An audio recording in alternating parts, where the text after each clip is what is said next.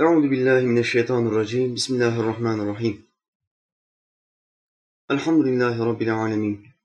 الصلاة والسلام على رسولنا محمد وعلى آله وصحبه أجمعين. اللهم إنك عفو كريم تحب العفو فاعف عنا. ربنا آمنا بما أنزلت واتبعنا الرسول فاكتبنا مع الشاهدين.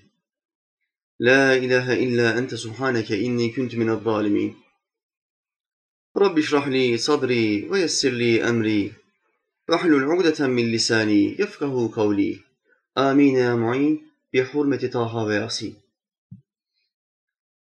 Alemlerin Rabbi olan Allah'ımıza sonsuz kere hamdolsun. Adem'in Allah'ı, Nuh'un Allah'ı, Hud'un ve Salih'in Allah'ı, İbrahim'in, Lut'un, İsmail'in Allah'ı, İshak'ın, Yakub'un ve Yusuf'un Allah'ı, Eyyub'un Allah'ı, Şuayb'ın ve Musa'nın Allah'ı, Davud'un, Süleyman'ın, İlyas'ın ve Elyasa'nın Allah'ı, Yunus'un, Zekeriya'nın, Yahya'nın ve İsa'nın Allah'ı ve adı dört kitapta övülmüş olan Efendimiz Ahmet'in Allah'ı sallallahu aleyhi ve sellem. Allah'ın peygamberlerine selam olsun. İnsanoğlu insanlık tarihine baktığı zaman bir şey görüyor. Kafasının dikine giden, benim dediğim gibi olur diyen, aklını kendinden daha büyük bir akla teslim etmeyen, iradesini kendinden daha büyük bir iradeye teslim etmeyen herkesin sapıttığını, burnunun yerde sürttüğünü görüyor. Biraz insanlık tarihini araştıranlar bunu çok yakinen idrak edebiliyorlar, görebiliyorlar. Allah Teala ayetlerinde, Efendimiz Aleyhisselam hadislerinde insanoğluna teslim olmayı öğüt buyuruyor. İslam'a teslim olmayı. İslam nereden geliyor? Teslim olmaktan geliyor. Silimden gelir. Barış, teslimiyet. Teslim olmadığın zaman, dik yaşadığın zaman, kafanın dikine gittiğin zaman Allah Teala seni sevmiyor. Ve sana daha cezanı dünyadayken vermeye başlıyor. Örneklerinden bir tanesi Kur'an'da iki tane kardeşin zikredildiği örnektir. İki tane genç kardeş. Kim bu? İlk insan olan Adem'in aleyhisselam iki oğlu. Habil ve Kabil olayı. Allah'ımız ayetlerinde o iki kardeş hakkında şöyle buyuruyor. Onlara Adem'in iki oğlunun haberini gerçek olarak oku. Hani ikisi de birer kurban sunmuşlardı da birininki kabul edilmişti, diğerininki kabul edilmemişti. Onlara İki kardeşin haberini gerçek olarak oku. İki kardeş. Kim bu? Habil ve Kabil'dir iki tane kardeş. Ama kime oku diyor. Allah'ımız burada kime oku diyor. Onlara, bize, Muhammed ümmetine bu iki tane kardeşin haberini oku diyor. Kime söylüyor bunu? Efendimiz Aleyhisselam'a söylüyor. Peygamberimiz Aleyhisselam o iki tane kardeşi bize Kur'an ayetleriyle bildirmek zorunda. Bize aktarıyor, bize bildiriyor. Şimdi ayetten anladığımız şey şu. İki tane kardeş kurban kesti.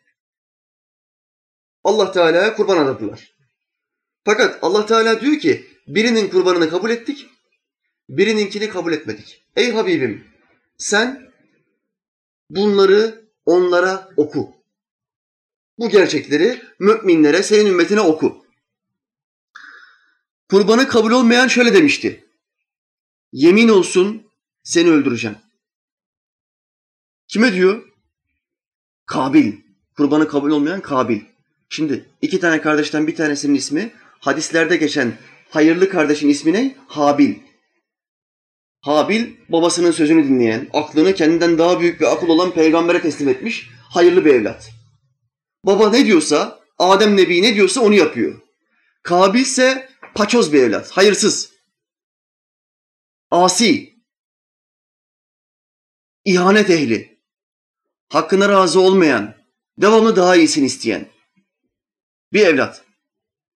Güncel deyimle çapulcu. Ne demek çapulcu? Talancı, talan eden. Başkasının malına el koyan, gaspçı. Kabil böyle bir çocuk, Habil muti bir çocuk, emir dinleyen bir çocuk. İnsanlar ikiye ayrılır. Bir Habil gibi olanlar, emir dinleyenler, bir Kabil gibi olanlar, asi olanlar, dik baş olanlar. Ben kendimden başka bir aklı kabul etmiyorum diyenler. Tek doğru akıl benim aklımdır diyenler. Bunlara kabil zihniyeti denir. Çapulcu zihniyeti. Müminlerse teslim zihniyetindedir. Allah Teala'ya teslim olmuşlardır. Peygamberine biat etmişlerdir, tabi olmuşlardır. Allah ne derse onu yaparlar. Üstüne fikir yürütmezler. Rabbimin emri bu mu? Kurban kes mi diyor? Kurban keserler. Nasıl kaçarımın hesabını yapmazlar? Nasıl keserimin hesabını yaparlar? Çünkü emir açıktır derler. İşte Allah Teala bu iki tane kardeşten kurban istedi. Neden kurban istiyor? İki tane kardeş kurban veriyorsa, kurban adıyorsa Mevla'ya burada bir anlaşmazlık söz konusu demektir. Bunların arasında bir anlaşmazlık çıkmış. Anlaşmazlığın sebebi nedir? Biraz daha geriye gidelim. Adem Aleyhisselam'ın yanına Allah Teala Adem Nebi'nin kürek kemiğinden Havva anamızı verdiği zaman bunlar birleştiler. Allah ininde ev, evli oldular. Her beraber olmalarından sonra iki tane çocuk dünyaya geldi. Havva anamızdan. Biri erkek doğuyor, biri kız doğuyor. Tam 40 batın böyle oldu. 40 doğum yaptı Havva anamız. 40 doğumda kaç çocuk oldu? 80. Gelin görün şu tesadüfi ki 80 çocuğun 40'ı kız, 40'ı erkek. Ateist kafalar bunu asla idrak edemezler. Allah'ın yeryüzüne ilk insanlığı koyma sistemi budur. Böyle başlamıştır insanlık. 80 tane gençten, 80 tane çocuktan başlamıştır. O zamanki kanunlarda aynı batında doğan erkek ve kız evlenemiyor. Aynı olarak kardeşler oluyorlar. Ama bir sonraki batında doğan erkek ve kızla çaprazlama olarak evlendiriyor Allah Teala. Bu erkek ve kızı. Yani dört çocuktan ikisi erkek oluyor, ikisi, ikisi kız. Ama aynı anda evlenenler, aynı anda doğanlar evlenemiyor. Ne yapması gerekiyor? Kendisinden bir sonra doğan kız çocuğuyla evlenmesi lazım bu erkeğin. Kendisinden bir dönem sonra doğan erkek çocuğuyla evlenmesi lazım bu kızın, ablanın. Sistem böyle işliyor 40 doğuma kadar. 40 doğumdan sonra Allah Teala bu sistemi yasaklıyor. Kardeşlerin kardeşlerle evlenmesini yasaklıyor. Artık mesele amcaoğullarına gidiyor. İnsanlık alemi genişliyor. Hani okullara gittiğinizde kitaplarımızda bize anlatılırdı. İlk insanlar maymundan türemiştir. Bunlar çıplak gezerlerdi. Hiçbir sanatları yoktu. Dil yoktu. Konuşma bilmezlerdi. Dumanlarla hayvani sesler çıkararak anlaşırlardı diye kitaplarımız hep bize bunları anlattı. Bunların tamamı palavradır. Delil nedir? Allah'ın ayetleridir. Allah Teala diyor ki biz insanı, ilk insanı topraktan yarattık. Çamur, sulu bir topraktan yarattık. Ondan sonra ona bir eş verdik. Havva validemizin ismini zikretmiyor, eş verdik diyor. Bütün insanlığı bir nefisten yarattık. Bütün insanlığı. Demek ki bu insanlık maymunlardan gelmedi. Bir nefisten, Adem Nebi'den geldi. Şimdi bu kırk batından iki tanesi kim? Habil ve Kabil. Birisi bir önce gelmiş, birisi bir sonra gelmiş. Kabil ne diyor babasına? Baba diyor, sistem bu, senin sistemin bu. Allah'ın sistemi bu diyemiyor. Senin sistemin benim kardeşim Habil'in kız kardeşiyle evlenmem. Ama ben bunu kabul etmiyorum. Neden evladım kabul etmiyorsun? Çünkü benimle beraber doğan kız kardeşim onun kız kardeşinden daha güzel. Ben onu alacağım. Diyor. İlk isyan, yeryüzündeki ilk isyan işte bununla beraber başlıyor. Halbuki Allah Teala koydu sistemi. Peygamber icra etti. Kabil kimin koyduğu sisteme karşı geldi? Allah'ın koyduğu sisteme karşı geldi. Adem Nebimiz ikaz etti. Evladım çok kötü bir yola girdin.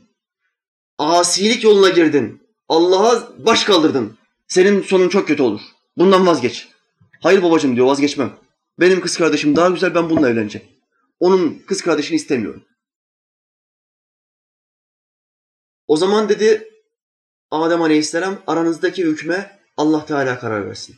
Ne yapacağız ey babacığım? İkiniz de kurban keseceksiniz. Allah Teala'ya birer kurban adayacaksınız. Allah hanginizin kurbanını kabul ederse o davasında haklı demektir. Tamam mı diyor? Habil ve Kabil ikisi de kabul ediyor. Şimdi ikisinin mesleği ne? Allah Teala Kur'an'da ilk meslekleri zikrediyor. Habil'in mesleği hayvancılık. En güzel bir koçu kurban olarak Rabbine adıyor. Kabil'in mesleği ne? Ziraatçılık, çiftçi. Hani hiçbir meslekleri yoktu, hiçbir bilgileri yoktu, cahillerdi, sürünerek yaşıyorlardı. Yalan. Allah Teala diyor ki biz onlara meslek verdik. Peygamberimiz bunu şöyle açıklıyor aleyhissalatü vesselam. Allah Teala Adem aleyhisselama yüz lisan öğretti. Yüz lisan. Yüz tane dil.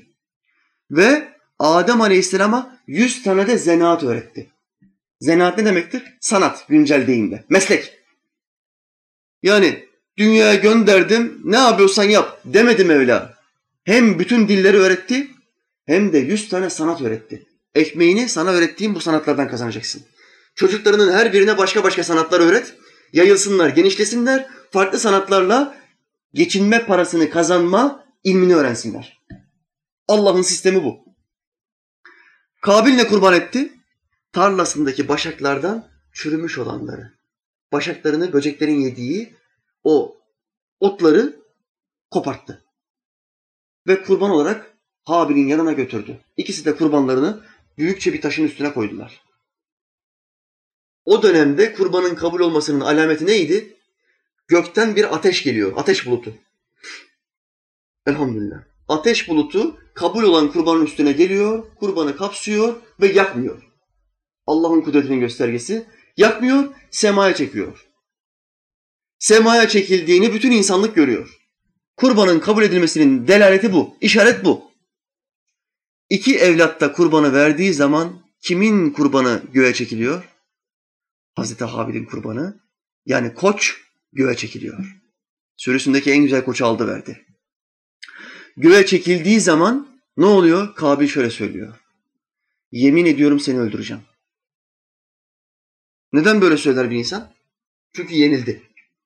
Çünkü haksız olduğu delille, Allah'ımızın bir işaretiyle ortaya çıktı. Açık bir işaret. Yenildi, boynunu eğip kabul etmek varken inat etti. Dik burunla gitti, dik kafayla gitti. Ne yaptı? Suçu Allah'a atacak yerde Allah'a söz söyleyemedi, kardeşine söz söyledi. Yemin ediyorum seni öldüreceğim. İnsan kardeşini öldürür mü? Hayvandan daha aşağısı öldürür. Ancak hayvandan daha aşağı olması lazım. Bir adamın kardeşini, öz kardeşini öldürebilmesi için. Burada dava senlik benlik davası. Benim istediğim olacak, benim dediğim olacak. Dedi ve kardeşini öldürme tehdidinde bulundu. Kardeşi ne diyor? Biz olsaydık o dönemde böyle açık bir işaret görseydik ne yapardık kardeşimize? İşte bu be. Nasıl yendim ama? Habil'de edep var. iman ahlakı var. Ne cevap verdi? Ayetle sabit. Ey kardeşim, Allah kendisinden korkanların kurbanını kabul eder. Cevaba bak. Cevap bu. Müslümanın karşılaştığı bütün sıkıntılarda herhangi bir insandan sıkıntı gördüğü anda vereceği cevap budur. Kardeşim Allah Teala hakkımızda olanı takdir etsin. Biz işi ona teslim edelim. Bu konuda ben İslam'a göre hareket ettiğimi düşünüyorum. Gel bu işi İslam'a danışalım. Ayetle sabitleyeyim. Herhangi bir meselede anlaşmazlığa düşerseniz konuyu Allah ve Resulüne götürünüz. Bakın dünyada herhangi bir meselede bir adamla anlaşmaya, anlaşmazlığa mı düşünüz? Konuyu Marx'a götürmeyin, Lenin'e götürmeyin, Stalin'e götürmeyin, Fransız kanunlarına götürmeyin. Konuyu önce Allah ve Resulüne götürün. Ayet ve hadise götüreceksin. Ayet ve hadise götürecek ilmin yoksa bu ilme sahip insana götüreceksin. Benim aramda şöyle bir anlaşmazlık var kardeşim. Bu meseleyi çöz. Seni hakem tayin ediyoruz. Razı mısın? Razıyım. Konuyu Allah ve Resulüne götüreceksin. Bak bu adamlar, bu iki tane kardeş konuyu Allah ve Resulüne götürdü. Sonucu Allah belirledi mi? Belirledi. Ama bir tanesi razı gelmedi. bir tanesi razı gelmedi ve tehdit savurdu. Yemin ediyorum seni öldüreceğim dedi. Şimdi hayırlı olan evlat Habil Allah muttakilerin kurbanını kabul eder dedikten sonra şöyle diyor. Yemin ederim ki sen beni öldürmek için elini kaldırırsan ben seni öldürmek için elimi kaldırmam. Çünkü ben alemlerin Rabbi olan Allah'tan korkarım. Habil devam ediyor.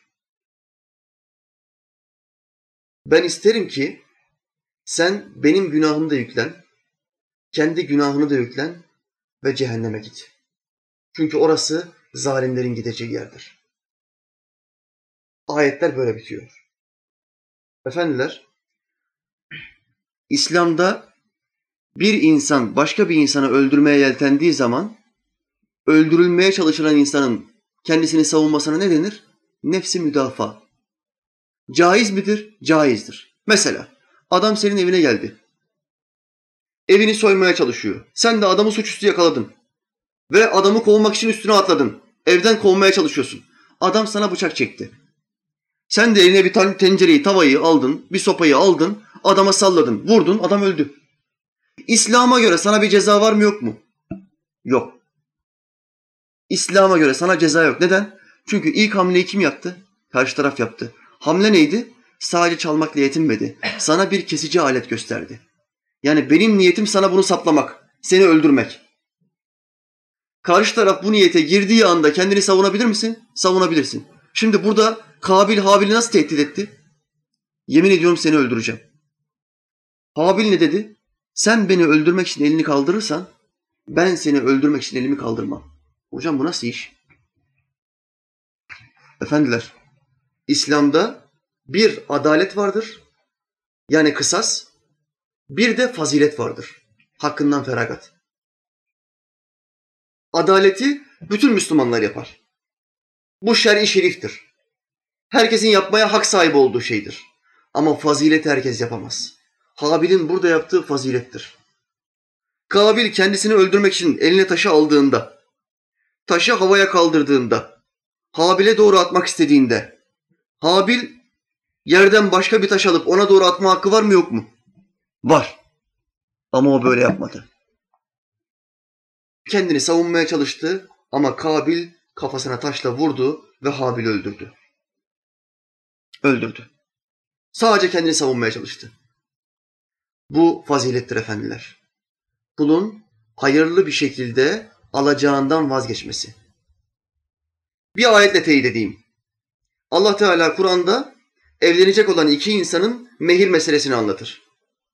Hanımlarınıza bir mehir tayin ettikten sonra şayet aranızda zifaf gerçekleşmemişse, zifaf ilk gece beraber olma gerçekleşmemişse hanımlarınızı boşarsanız mehrin yarısını onlara veriniz. Bak şimdi ilk gece zifaf olsaydı aralarında erkek ve kadının anlaşma yaptığı mehir miktarının yani altın yahut paranın tamamını hanımına vermesi lazım gelirdi. Ama zifaf olmadığı için, beraber olmadığı için cinsel anlamda birleşmeden hanımını boşadığı için Allah Teala ne diyor? Bu hanımın mehrin yarısını senden almaya hakkı vardır. Ayet devam ediyor. Şayet tamamını hediye ederseniz bu sizin iyiliğinizdendir.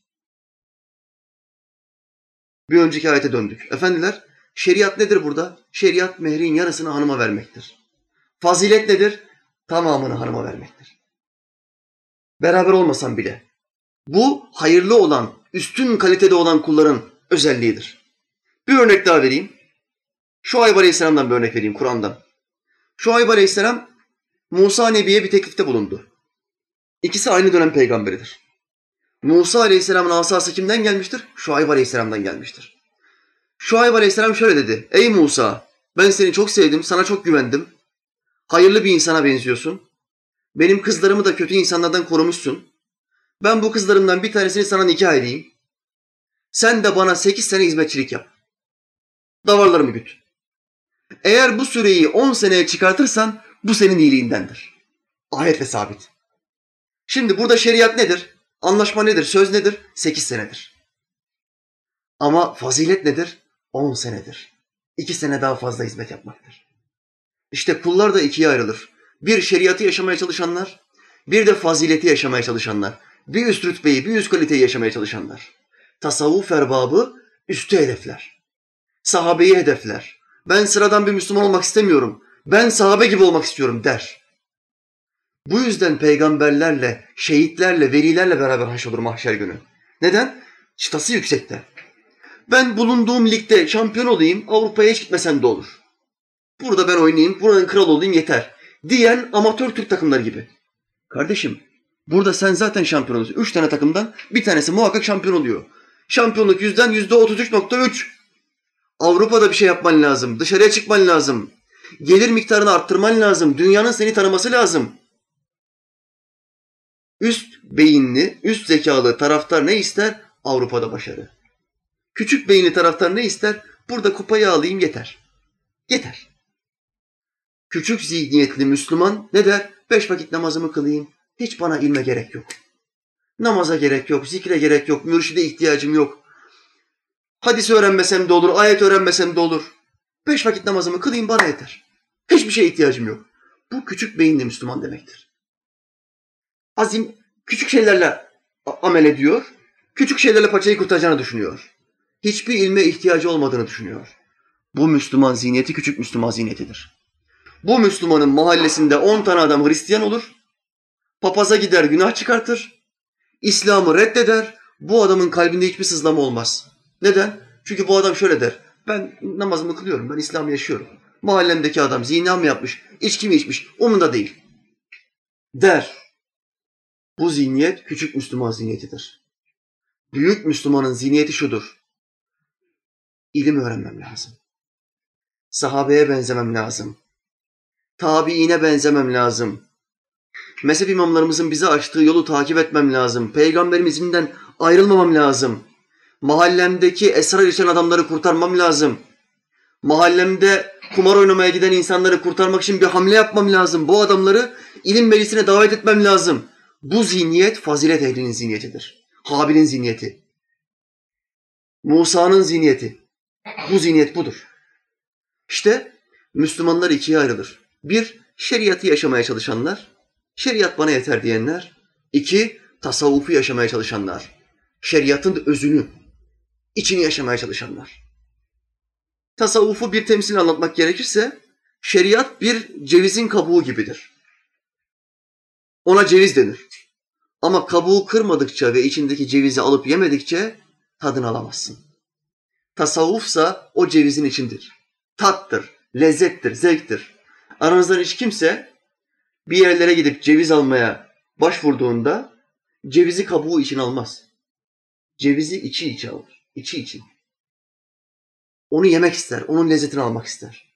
Tasavvuf İslam'ın özüdür. Tasavvuf Adem Nebi'den biri vardır. Bu ayetler bunun delilidir. Habil'in hakkından feragat etmesi, şeriatı uygulamayı bir kenara bırakıp hakkını Allah'a teslim edip kadere teslim olması. Rabbine dayanması. Ben Allah'tan, alemlerin Rabbi Allah'tan korkarım demesi. Bu tasavvuftur. Tasavvuf Adem Nebi'den beri vardır. Tarikatsa peygamberimizden sonra ortaya çıkmıştır. Tarikat Allah'a giden yollar demektir. Tasavvufun sistemleştirilmiş halidir. Abdülkadir Geylani Hazretleri çıkmıştır. Hicri 6. asırda. Kadiriye yolunu kurdum. Allah'ı açıktan zikretme yolunu kurdum. Talebelerimi böyle yetiştiriyorum demiştir. Ondan 150 sene kadar sonra Behaeddin Nakşibend Hazretleri bizim yolumuzun büyüklerinden bu mübarek çıkmıştır. Bense talebelerimi sessiz zikirle yetiştiriyorum. Çünkü Efendimiz Aleyhisselam'ın şöyle buyurduğunu öğrendim. Rızkın hayırlısı kafi olandır. Zikrin hayırlısı hafi olandır, gizli olandır.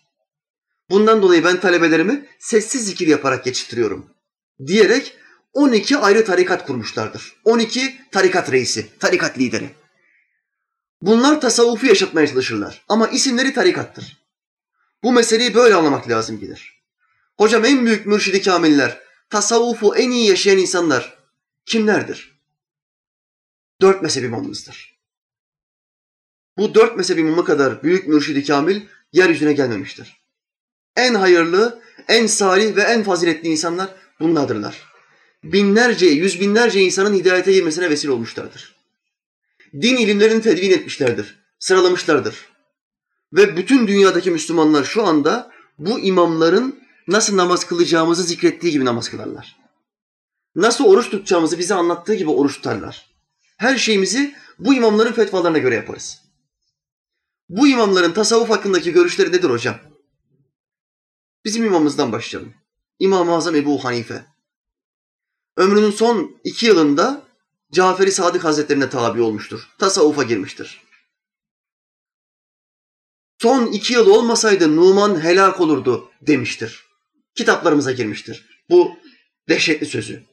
O tasavvufa girmeden tasavvufa girdiği son iki sene olmasaydı bu Numan helak olmuştu der. Neden böyle söylüyor? Çünkü şeriat ilmi, fıkıh ilmi, tasavvuf ilmi olmadan, maneviyat ilmi olmadan, kalbi ve ruhu Allah'a bağlamadan bir yere kadar faydalı olabiliyor. Bir yerden sonra götüremiyor. Allah dostları bu meseleyi şöyle anlatırlar. Cebrail şeriattır. Muhammed Mustafa Aleyhisselam tasavvuftur. Cebrail yedi kat semadan sonra Sidretül Müntaha'ya kadar gelebilmiştir. Sidretül Müntaha'ya geldiğinde Efendimiz Aleyhisselam'a şöyle demiştir. Ey Allah Resulü bana verilen rütbe buraya kadardır. Buradan sonra bir adım atarsam ben yanarım. Efendimiz Aleyhisselam ise şöyle demiştir. Ta ezelden aşk oldu bana delil. Yanar isem ben yanayım ey Halil. Deyip bir üst mertebeye geçmiştir. Arş-ı ala. Cennetlerin mekanı. Allah'ımızla görüşmüştür. İşte şeriat ve tasavvuf arasındaki farkı veliler, Allah dostları, alimler bu şekilde açıklarlar. İmam-ı Azam ise bu tasavvufa ömrünün son iki senesinde girmiştir. Silsilemizin büyüklerinden Caferi Sadık Hazretlerine tabi olmuştur. İmam-ı Azam'ın en büyük talebelerinden bir tanesi kimdir? Davudi Tayi Hazretleridir. 20 yıl bu imamın hizmetinde bulunmuştur. Ayak hizmetlerini, ayak işlerini yapmıştır, sohbet halkalarında bulunmuştur. Ben tasavvuf ilmini İmam-ı Azam'dan öğrendim demiştir Davudi Tayi Hazretleri. Keramet ehli bir zattır. Bunlar büyük imamlardır. Tasavvufa girmiş, yaşamış ve bize bir yol sevk etmiş, bize bir yol öğretmiş büyük imamlardır. Ondan sonra kim gelmiştir? İmam Malik Hazretleri. İmam-ı Azam'la muasırdır, aynı dönem yaşamıştır. İmam Malik Hazretleri tasavvuf hakkında şöyle der. Bismillah. İnşallah.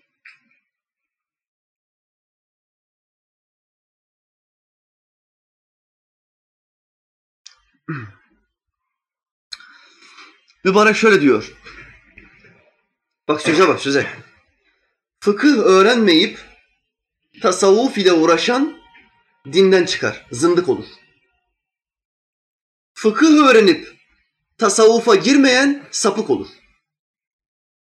Her ikisini de edinen hakikati bulur. Üstten başlayayım. Fıkıh öğrenmeyip tasavvufa giren zındık olur diyor, dinden çıkar diyor. Ne demek istiyor mübarek? Şimdi bile günümüzde ben tarikata girdim, bir tarikatta bulunuyorum. Ama biz namazı üç vakit kılıyoruz diyen sapıklar yok mu? Var. Ben bir tarikata girdim. Bizim tarikatımızda şöyle bir durum var hocam. Nedir kardeşim? Bayan dervişlerle aynı ortamda bulunabiliyoruz, el ele tutuşabiliyoruz. Nedenmiş? Niye öyle? Çünkü biz ahiret kardeşiyiz. Allah'ın peygamberi bir bayanla yan yana oturmadı. Nikah düşen bir kadınla yan yana oturmadı. Nikah düşen bir kadının elini tutmadı. Ama sen diyorsun ki ben bir tarikata girdim. Aynı tarikatta beraber hizmet gördüğümüz, aynı şeyhe bağlandığımız bayan kardeşim onunla el ele tutuşabiliriz. Niye? Çünkü ahiret kardeşiyiz. İmamın sözüne gelelim. İmam Malik ne diyordu? Fıkıh bilmeyip tasavvuf ile uğraşan zındık olur, dinden çıkar. Allah'ın haram kıldığı bir şeye yani bir kadının elini tutmaya bu derviş ne diyor? Bizde helal hocam. Niye sizde helal? Çünkü bizim tarikat böyle. Neden sapıttı bu adam? Çünkü fıkıh bilmiyor. Fıkhı bilmeden tasavvufa girdiğin zaman muhakkak sapıtırsın.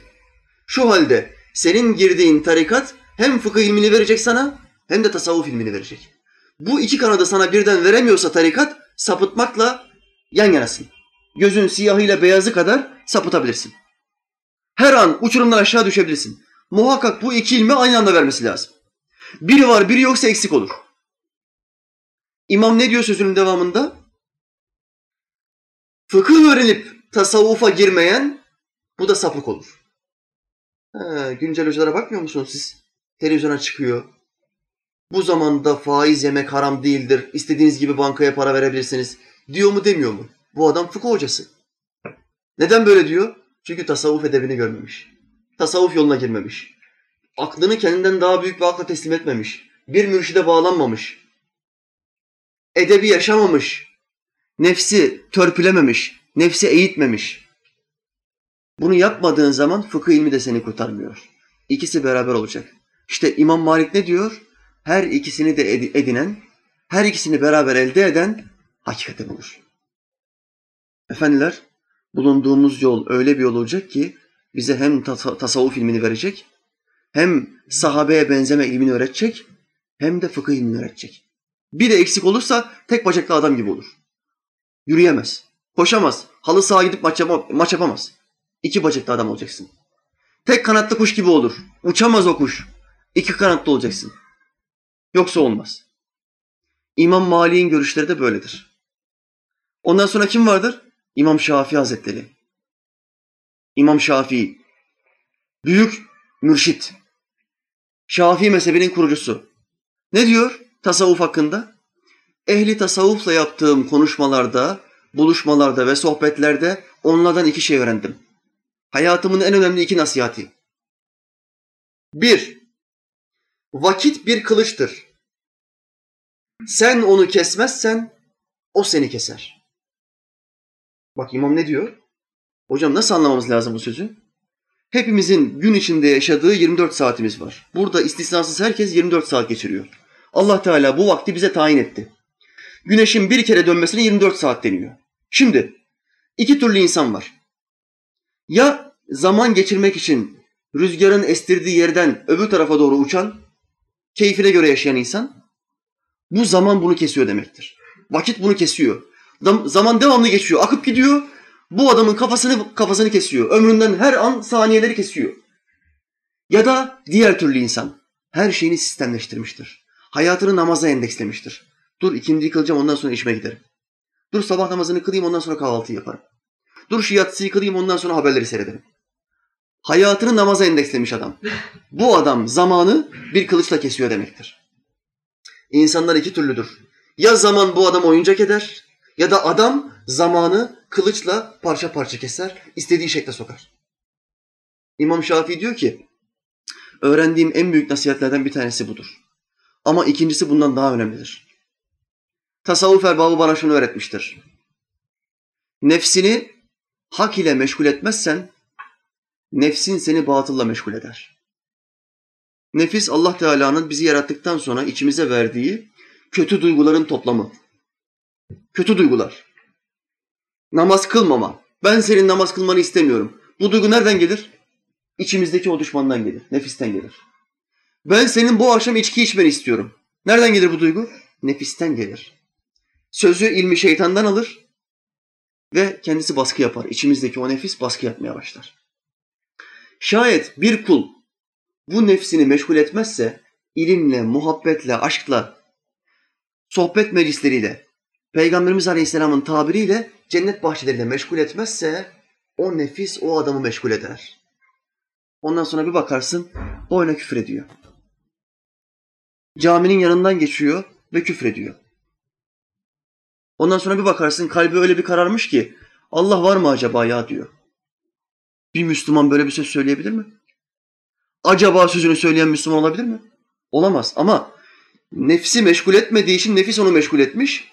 Nefsi tarafından meşgul olduğundan dolayı kapkara olmuş, simsiyah. Sonra sapık sapık sözler söylüyor. Sapık sapık konuşuyor. Efendiler, İmam Şafii Hazretleri buyuruyor ki, nefsimi meşgul etmeyi öğrendim. Tasavvuf yolunda nefsimi hayırla, ilimle ve hakla meşgul etmeyi öğrendim. Şimdi buraya yüz tane genç adam gelmişsiniz. Şu anda hepiniz bu sıcakta, bu zor durumda sıkış tıkışık oturmuşsunuz buraya. Allah rızası için gelmişsiniz.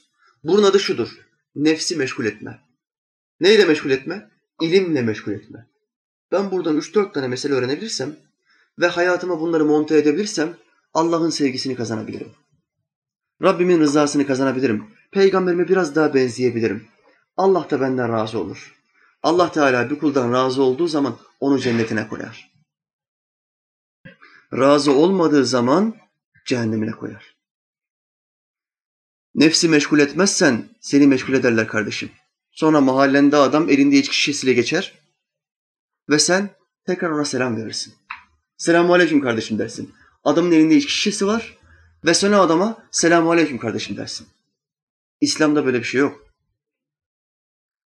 Tefsir kitaplarımızda bir mesele anlatılır. Allah Teala Cebrail Aleyhisselam'a bir emir verdi.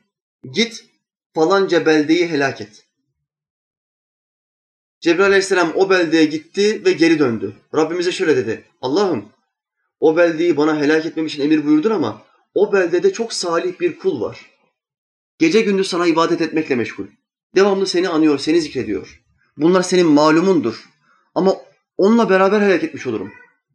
Diyor. Bunu yapayım mı? Allah'ımız şöyle diyor. Ey Cibril, o kul çok hayırlı bir kul.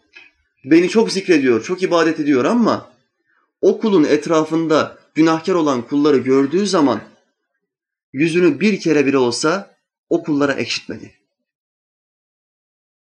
Ekşi bir suratla onlara bakmadı. Hep güler yüzle baktı. Adam yanından iddia bayine gitti, o güler yüzle baktı. Nereye böyle gençler? Kumar oynama gidiyoruz abi. Hadi şansınız bol olsun dedi. Müslüman cehenneme doğru koşan adama şansın bol olsun der mi? Adam cehenneme koşuyor. Diyeceksin ki o adama kardeşim sen ne yapıyorsun? Haram lokma konur mu eve? Allah'tan korkmaz mısın sen? Sana anan baban öğretmedi mi? Haram lokma girdi mi boğazdan 40 gün boyunca yaptığın ibadet kabul olmaz. Anan baban sana bunu öğretmedi mi? Yok abi bana kimse bunu söylemedi. Müslüman yüzünü ekşitecek.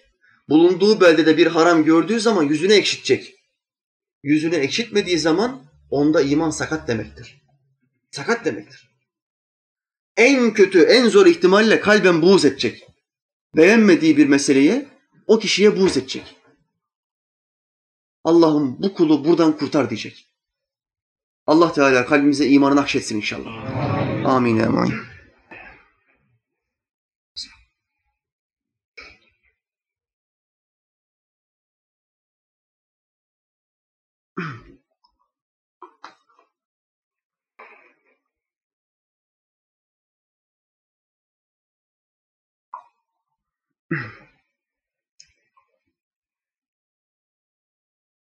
Efendiler,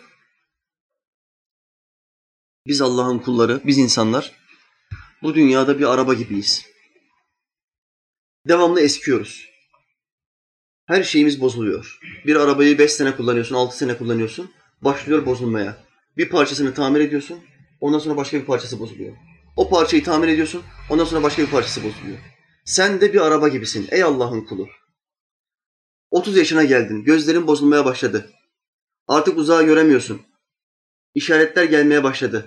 Saçlarında beyazlar ortaya çıkmaya başladı. Bak saçların bozuluyor. Kelleşmeye başladın. Sağdan soldan dökülmeye başladı. Saçların bozuluyor. Ayaklarında artık eski kuvvet kalmadı. Evvelce halı sahada maç yapardın. Sonra yan, yandaki halı sahadan seni çağırırlardı.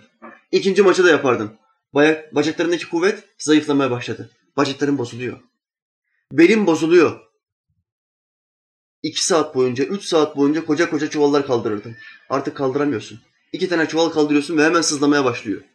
Belin bozuluyor. Kolların artık eskisi gibi kuvvetli değil. Kulağın bozuluyor, işitmen zayıflıyor. Dişlerin bozuluyor. Çürük vardı. Çektirdin. Artık yeni, yerine yenisi gelmiyor. Çocukluk dönemleri geçti artık. Bozuluyor. Dişlerin de bozuluyor. Bu dünyada her şeyimiz bozuluyor. Bu dünyadaki bütün azalarımız, Allah'ın bize verdiği bütün azalar bize haykırıyor. Sen burası için yaratılmadın ey Allah'ın kulu. Sen hiçbir şeyinin bozulmayacağı bir yer için yaratıldın. Hiçbir şey bozulmayacak. Öyle bir yer için yaratıldık ki biz. Gittiğimiz o yerde sahip olduğumuz hiçbir şey bozulmayacak. Burada evimiz bozuluyor. Cep telefonumuz bozuluyor. Evimizin çatısı gidiyor. Pencereler akıyor. Elektrik tesisatı bozuluyor. Elektrikçi çağırıyorsun. Bilgisayarın bozuluyor. Kasayı alıp götürüyorsun. Bilgisayarı tamir et. Bu dünyada sana ait olduğunu düşündüğün her şey bozuluyor. Allah'ın sistemi bu. Her şey haykırıyor.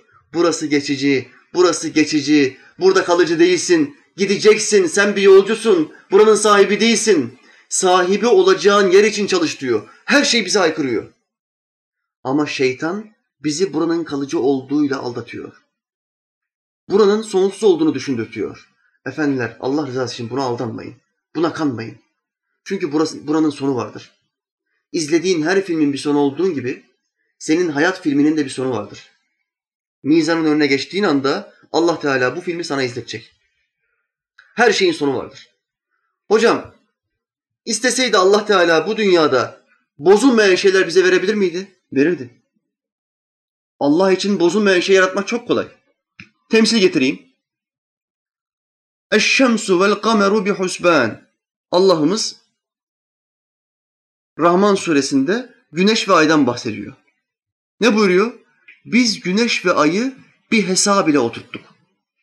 Güneş ve ay bir hesap iledir. Onlar hep bir hesapla dönerler. Asla çarpışmazlar. Bir milim öne ya da geriye dünyadan uzaklaşmaz yakınlaşmazlar. Hep hesap ile dönerler. Allah Teala bozulmayan güneş ve ayı yaratmış mı? Yaratmış. Bozulmayan gezegenleri yaratmış mı? Yaratmış. Hep yörüngede hareket ediyorlar. Bir metre bize kaymıyorlar. Kaysa kainatın dengesi bozulur. Dünyada yaşam biter. Ama Allah Teala bozulmayanı yaratmaya kadir olduğunu bize ispat etmiş mi güneş ve? Vallahi ispat etmiş. Ama bizim üstümüzde böyle bir şey yaratmadı. Neden? Çünkü buraya bağlanmamızı istemiyor. Ben size bozulmayacak çok şey vereceğim ama ahirette vereceğim. Mesela Efendimiz Aleyhisselam hadislerinde, Rabbimiz ayetlerinde cenneti tarif ederken ne buyuruyorlar? Yaşlanmak yok. Uyumak yok. Hastalanmak yok. Kıl yok, tüy yok. Saçların dökülmesi yok. Gözlerin bozulması yok. Hastalanmak, bitkinleşmek yok. Uyku yok. Yoruldum, dinlemek istiyorum. Yok. Nimet elde etmek için çalışmak yok. Hiçbir şey yok. Sadece istek var ve isteğin olması var. Ne istiyorsan, canın ne istiyorsa, neyi hayal ediyorsan. Allah Teala bizi böyle bir yer için yarattı. Efendiler, sonsuz olan bir yer dururken süfli olan, geçici olan bir yer için koşturmak ve çalışmak ahmakların işidir. Burada geçinecek kadar, ailemize faydalı olacak kadar, İslam'a, dine faydalı olacak kadar çalışacağız. Ondan sonra sonrasının tamamını, saatlerimizin tamamını ahirete vereceğiz. Bugün nasıl bir hadis öğrenebilirim? Bugün nasıl bir kardeşimi namaza başlatmak için bir ilim öğrenebilirim? Bunun hesabına gireceksin kardeşim. Mahallende namaz kılmayan 80 tane genç var. Umunda değil ya. Umunda değil. Ben kılıyorum ya ben kendime bakarım hocam. Böyle bir zihniyet yok İslam'da. Yok. İnsanlara faydalı olmaya çalışır mümin. Mümin sadece kendini düşünmez. Efendimiz Aleyhisselam dünyanın geçiciliği konusunda bir temsil getiriyor. Bak şimdi sultanıma. Sonunun ne olacağını bilmeyip sadece dünyaya çalışan insan ipek böceği gibidir. Ölümü hiç düşünmüyor. Sadece dünyaya çalışıyor. Bu adama peygamberimiz ne diyor? İpek böceği gibi. Bizi bir ipek böceğiyle yan yana koyuyor şimdi. Bak sen kendine bak. İpek böceği çalışır çalışır ve kendine bir ev örer. Ama evi içeriden örer. Uğraşır uğraşır evi yapar.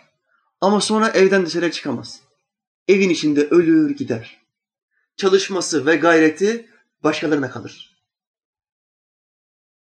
Şimdi hepimizin babaları var. Hepimizin dedeleri vardı. Babalarımızın babası vardı. Bunlar çok çalıştılar. Aralarından birçoğu hırslıydı. Zengin olma peşindeydi. Nasıl daha büyük bir tarlaya sahip olabilirim? Nasıl daha iyi bir arabaya binebilirim? Zihniyetindeydi. İslam'ı geri plan attılar. Çok çalıştılar. Aramızdan bazılarına büyük bir servet kaldı. Dedelerinden babalarına, babalarından bize. Çalıştılar, çalıştılar, ipek böceği gibi ördüler. Hazır evleri, hazır dükkanları bize bıraktılar, gittiler. Ama kabre girdiğinde kaç tane ev bıraktın diye sormazlar. Kaç tane araba bıraktın, kaç tane dükkan bıraktın diye sormazlar.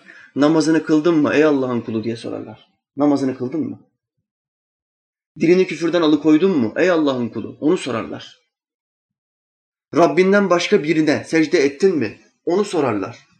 Parayı pulu sormazlar. Sıfır olarak gidersin oraya.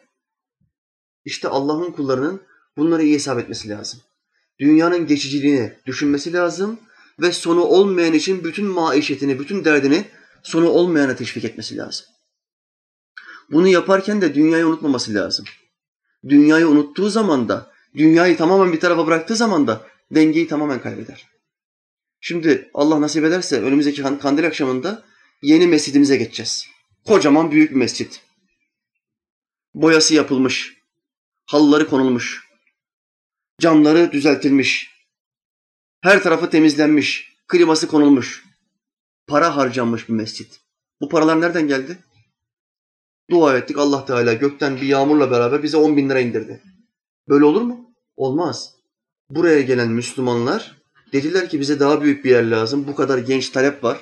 Çok insan bu sohbetlerden nasipler olmak istiyor. Yerimiz müsait değil. 200-300 kişilik bir yer lazım. Gittiler bir yer tuttular. Parayla tuttular. Ve o yerin içine 10 bin lira masraf yaptılar. Her kim bu cemaatin içinde buraya hizmette bulunduysa, yardım ettiyse Allah hepsinden razı olsun inşallah. Her kim hiçbir şey veremedi, oraya girdi ve bir çöp tanesini yerden alıp dışarıya attıysa Allah bunlara cehennem ateşini göstermesin inşallah. Her kim bunu da yapamadı, dışarıdan dua etti ve insanlara böyle bir hizmetimiz var dediyse, hiçbir şey yapamadı. Böyle bir hizmetimiz var, inşallah yeni bir yere geçeceğiz dediyse Allah Teala bunlara cehennem ateşini göstermesin inşallah. Amin. Amin. amin. Bu hizmetlerin yapılabilmesi için de para lazım. Para için de dünya içinde çalışmak lazım. Dolayısıyla ayet ve hadisler bize her şeyi dengede kurmamız gerektiğini, dünya içinde çalışmak, ahiret içinde çalışmak gerektiğini beyan buyuruyor. Müslümanlar tasavvuf ilmiyle beraber bir dengeyle dünya ile ahiret arasındaki sistemi, teraziyi düzgün bir şekilde koymaya çalışırlar. Ve hayatlarına böyle devam ederler. Asla dünyevi işlerinin namazlarından kendilerini alıkoymasına müsaade etmezler. Asla. Asla hatır belasının kendilerini harama sürüklemesine müsaade etmezler. Asla. Hatır belası. Bu çok önemli bir şeydir. Arkadaşı mahallesindeki arkadaşına gelir ve onu davet eder. Kardeşim seni bir yere davet ediyorum. Hayırdır kardeşim? Bir abi bizi korumalık yapmaya çağırdı. İslam'da korumalık yapmak caiz midir? Caizdir. Yapılabilir ama şartları vardır. Nedir o şart? Kendisini koruyacağın adam nereye gidiyor? Ona bakacaksın. Kendisini koruyacağın adam Allah'ın haram kıldığı bir yere gitmiyorsa bu adama 24 saat korumalık yapmak caizdir. Kazandığın bütün para helaldir. Ama kendisini koruduğun adam zina yapmaya gidiyorsa oraya girdiği anda sen haramdasın. O iş caiz değildir. Onun hesabını Allah'a verirsin. Kendisini koruduğun adam içki içmeye gidiyorsa caiz olur mu? Kalkar. Helallik hemen kalkar. Haram olur. Bak az önce helaldi, şimdi haram oldu. Mesela maç izlemek helal midir? Helaldir. Spor faaliyeti. Halı sahada oynamak helal midir? Helaldir. Spor faaliyeti. Ama halı sahada 3-4 tane gol yedikten sonra küfrettin mi o halı saha sana haramdır. Bu sana mahsus. Çünkü sen kendini tutamıyorsun. Küfrediyorsun. Bu sana haram. Sen bu halı sahada oynamayacaksın. O maçı izlerken ağzından küfür çıkıyorsa sen bu maçı seyretmeyeceksin. Bu sana haram. Yanındaki adam küfretmiyor. O izleyebilir. Yanındaki adam rakip beraber maç seyrettiği rakip taraftarı aşağılamıyor. Ona küfretmiyor. Onu rencide etmiyor. Onu kırmıyor. Kalbini kırmıyor. Bu adam izleyebilir. Sıkıntı yok. Ama sen küfrettiğin için, aşağıladığın için sana caiz değil. Sen bu maçı seyredemezsin. İslam'ı doğru bilmek lazım. iyi bilmek lazım. Fıkıh bilmediği bir Müslüman doğru yaptığını zanneder. Hiç bilmeden bir anda harama kayar. Harama helal dediğin zaman ne olursun? Kafir olursun.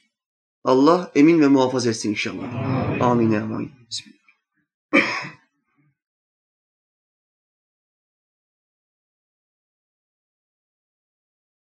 Efendiler, şu meseleyi de anlatayım, kapatalım inşallah. Bu dünyada bir Müslüman her şeyi ama her şeyi Allah rızası için yapması lazım. Müslüman yaptığı her işi Allah için yaparsa saniye be saniye tüm gün ibadet olur. Tüm gün. Hocam bir adam tüm gün ibadet yapamaz. Yapar kardeşim. Yapar. Niyeti doğru yaptığın anda, kalbini düzelttiğin anda sen tüm gün ibadettesin demektir. Hemen örnek vereyim. Buraya gelmeden önce elbiselerini değiştirdin. İlim meclisine gidiyorum. Meleklerin akın akın geldiği meclise gidiyorum. Temiz elbiselerle gideyim. Çoraplarımı değiştireyim. Kimse rahatsız olmasın. Abdestimi alayım dedin. Tertemiz giyindin. Şayet bu elbiseleri giyerken niyetin şu ise temiz gitmem lazım, temiz görünmem lazım, Müslüman temizdir. Niyetin bu ise o elbiseyi giymek sana ibadettir. O elbise üstünde kaç saat kaldı? 10 saat kaldı. 10 saat boyunca sana ibadet yazıldı. 10 saat. Diğer adamı söyleyeyim. Hafta sonu dışarıya çıktın gezmeye. Sahil beldesinde dolaşacaksın. Elbise giydin ama elbiseni giyerken, yeni aldığın elbiseleri giyerken şöyle düşündün. İnsanlara ne kadar zengin olduğumu göstermem lazım. Falanca ne kadar güzel parası var, bak ne kadar güzel elbiseler almış. Hava atmam lazım, caka atmam lazım. Dedin ve elbiseyi bu şekilde giydin. Yani riya niyetiyle girdin. Elbiseyi böyle giydin. Saniye be saniye sana riya günah yazılır. Riya gösteriş demektir. İslam'ın yasakladığı bir şeydir. Peygamberimiz buna gizli şirk der. Gizli şirk. Ümmetim hakkında gizli şirkten korkuyorum. Yani riya, gösteriş. Bak elbiseyi giydi, saniye be saniye bu adama günah yazılıyor. Neden? Çünkü kötü bir niyetle, kötü bir kalple giydi. Her şeyinizi buradan kıyas edin. Gece yatıyorsun. 6 saat, 7 saat, 8 saat uyuyacaksın. Yatmadan önce gittim bir abdest aldım. Uyku ölümün kardeşidir buyuruyor benim peygamberim. Ruhum semaya yükselecek. Gelir mi gelmez mi Allahu alem. İyisi mi ben bir abdest alıp yatayım? Dedin. Abdest aldın yattın. Saniye ve saniye. Bütün sabaha kadar ibadettesin. Sabaha kadar. Bir müjde daha var hadiste. Sultanım Aleyhisselam şöyle buyuruyor. Abdestli iken ölen şehittir. Müjdeye bak. Yapacağın tek şey bu. Yatmadan önce abdest alacaksın, böyle yatacaksın. Tek bir hareketle 8 saatini ibadet yaptın mı? Bir abdestle 30 saniyeyle 8 saatini ibadetle geçirmiş oldun. Müslüman her şeyini bununla kıyas eder. Her şeyini. Arabaya bineceksin. Yeni bir araba aldın, son model. 100 bin lira verdin. Müslüman en güzeline biner, hakkıdır. Bu şeriattır. Ama şeriatı yaptıktan sonra, yani güzel bir arabaya bindikten sonra, arabaya binerken, kontağı çalıştırırken, dur mahallede arkadaşlarımın önünden geçeyim, bir caka satayım. Bir havacıva yapayım dedin. Arabaya bindiğin her saniye günah yazıldı. Tek bir niyetle, tek bir düşünce. Arabaya bindin, kardeşlerimi arayayım, beraber mescide gidelim. Bir iki ilim öğrensinler ilim meclisinden. Onları da götüreyim dedim. Tek bir niyetle. Gittin arkadaşlarını bulamadın. Allah Teala sana onları almış ve ilim meclisine götürmüş sevap verir. Niyet İslam'da çok önemlidir efendiler. Şimdi yaz zamanı geldi. Çıplaklar çıplaklığını yüzde elli daha arttırdı. Aranızdan birçoğu tatile çıktı. Birçoğu tatile çıkmak üzere. Allah Teala sıhhat verirse çıkacak inşallah. Ama bu kardeşiniz sizden bir şey rica eder tatile çıkacağınız zaman güney batı kesimlerini tercih etmeyin. Rica ediyorum. Çünkü itikadı, İslam'ı yaşama konusunda zayıf kesimler olduğu için çıplaklık orada buradan daha fazla. Bir Müslüman güneybatıya gitmemeli. Çünkü oraya gittiğin zaman muhakkak günaha düşeceksin. Muhakkak. Ben askerliğimi orada yaptım. Allah Teala bizi çıplaklar kampına yolladı. Her işte bir hikmet vardır, bir hayır vardır. Elhamdülillah bozulmadan namusumu korum, korumuş bir şekilde buraya gelmek nasip oldu çok şükür. Bundan sonra da bozmasın Mevlam. Oradan geldikten sonra 13 sene oldu askerliği bitireli. Daha bir kere gitmedim. Tatile çıkma hakkımız var. Çıkabiliriz. Ama gitmedim. Niye tercih etmiyorum? Çünkü bozuk mekan. Günah işleme ihtimalimin yüksek olduğu mekan. Yüzde mi artıyor orada? Ne kadar fazla çıplaklık, o kadar fazla günah yüzdesi. Hocam ben Allah'ın yarattığı güzellikleri görmeye gidiyorum. Kardeşim, Allah'ın yarattığı güzellikler her yerde var. Git Karadeniz'e, yeşillikleri bir gör, bir için açılsın ya. Bir tane çıplak kız göremezsin. Fesferah olur gelirsin. Git Umre'ye. Orada harcadığın paranın yarısını harcarsın Umre'de. Hayatında görüp görebileceğin şu dünya denen gezegende en güzel yeri neresi hocam? Ben çok yere gittim. Kabe ve Ravza kadar güzel bir yer yok kardeşim. Yok. Kimse bana laf anlatmasın. Git oraya. Bak tatil nasılmış görürsün. Tatil yeri buralardır. Güneybatı tehlikeli mekandır kardeşim. Aman dikkat edin. Hocam yani oraları da görmek lazım. Bu dünyada bunu da yapmadım dememek lazım. Bunlar yanlış fikirler kardeşim. Bak Rabbime hamdolsun hayatımda hiç zina etmedim. Rabbime hamdolsun hayatımda bir damla içki içmedim. Rabbime hamdolsun hayatımda bir kere kumar oynamadım. Üç tane Allah'ımızın çok kötü dediği şeyi hiç yapmadım. Ve bugüne kadar hayatımda böyle bir eksiklik hissetmedim. Yani bunları bir yapsam mı acaba? Bir deneyeyim ya. Tövbe kapım da açık. Ölmeden önce tövbe edebilirim. Bir deneyeyim. Hiç böyle bir eksiklik hissetmedim. Ne gereği var ya? Allah Teala bu üç hakkında Kur'an'da bahs yapıyor mu? Bahsediyor mu? Ediyor. Ve la takrabu zina. Zinaya yaklaşmayın. O hayasızlıktır. Allah Teala bir şey hayasızlıktır diyorsa bunda pislik var demektir. Yapmayacağım. Allah Teala bana bundan sonra nasip etmesin inşallah. Amin ya amin. Allah Teala Kur'an'da içki ve kumara şeytan işi birer pisliktir. Tabirini kullanıyor mu kullanmıyor mu? Kullanıyor. Allah pislik diyorsa ben bunu yapsam ne olur yapmasam ne olur? Belli bunun ne oldu? Pislik diyor. Bunu yaratan Allah olduğuna göre benden daha iyi bilmez mi? Ben mi daha iyi bilirim, yaratıcım mı daha iyi bilir? Ayetle cevap vereyim. Allah bilir, siz bilemezsiniz. Allah bilir. Siz bilemezsiniz. O zaman bunları yapmayacaksın kardeşim. Sabredeceksin. Sabırla hareket edeceksin ve ahirette hiç kimsenin görmediği nimetleri göreceksin. Allah Teala bize nasip etsin inşallah. Amin, ya amin. Rabbim son nefeste imanla kendisine gitmeyi nasip etsin. Amin. İmansız bir şekilde bu canımızı almasın. Amin. Son nefesimizde Sultanım Efendim Muhammed Aleyhisselam'ı karşımıza getirsin inşallah. Amin. Amin ya amin. İmam Rabbani ile bitireyim. Aranan hazinenin yolunu gösterdim sana. Belki sen kavuşursun. Biz varamadıksa da. Velhamdülillahi Rabbil Alemin. El Fatiha.